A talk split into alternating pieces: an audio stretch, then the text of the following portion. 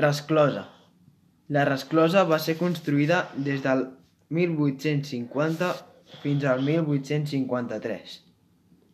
Les dues persones que van contribuir a la localització i la construcció van ser Oleguer Borràs i Francesc Borrés, futurs propietaris de les fàbriques.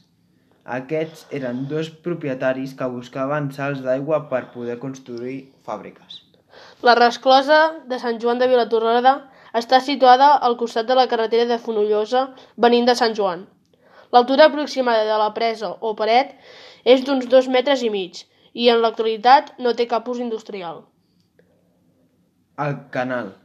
El canal, construït entre els anys 1850 i 1853, igual que el resclosa, era una part clau de la indústria tèxtil a Sant Joan de Vilatorrada. La funció que tenia el canal era administrar l'aigua del riu passada per la resclosa cap a les turbines de les tres fàbriques tèxtils de Sant Joan.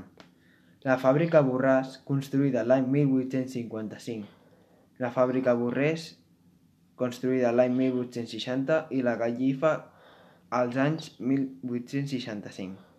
S'unirà a les dues fàbriques anteriors. El canal proporciona 4.000 litres per segon i té un recorregut d'un quilòmetre i 600 metres. A l'alçada de les fàbriques, el canal es trifurca per a poder alimentar les turbines d'aquestes.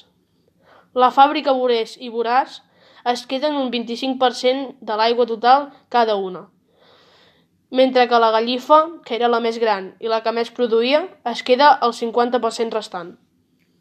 Actualment el canal està reformat, però sense tenir un ús industrial.